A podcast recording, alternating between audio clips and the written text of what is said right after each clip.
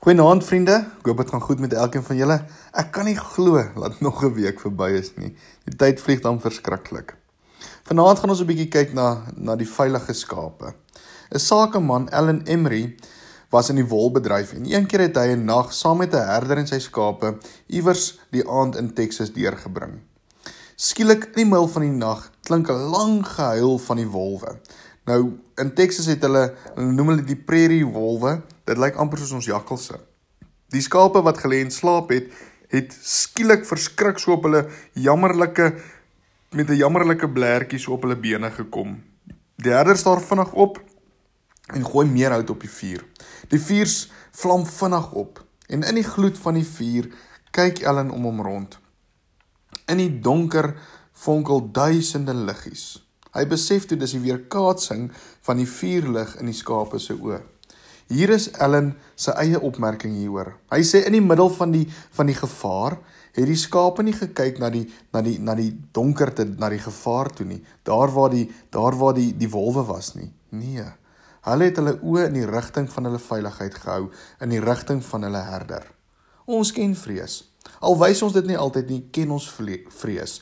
Daar's alle allerlei wolwe wat wat huil daar buite en en wat rondom ons huil en wat ons bedreig.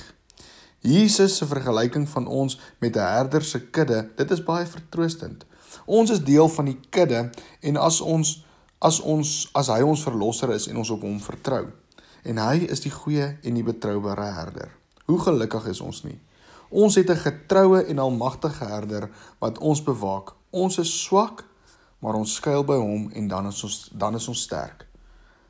Hou die oë vertrouend op Jesus.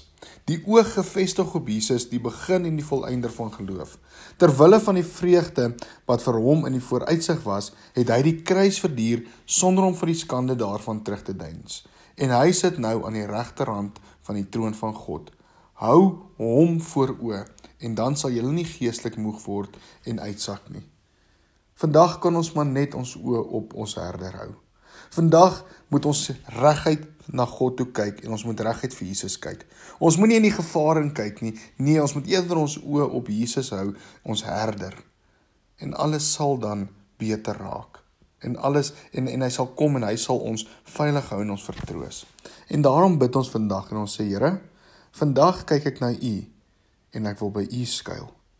Dankie vir die veiligheid wat U vir ons gee, o Here. Amen. Mooi aand en mooi week verder vir julle.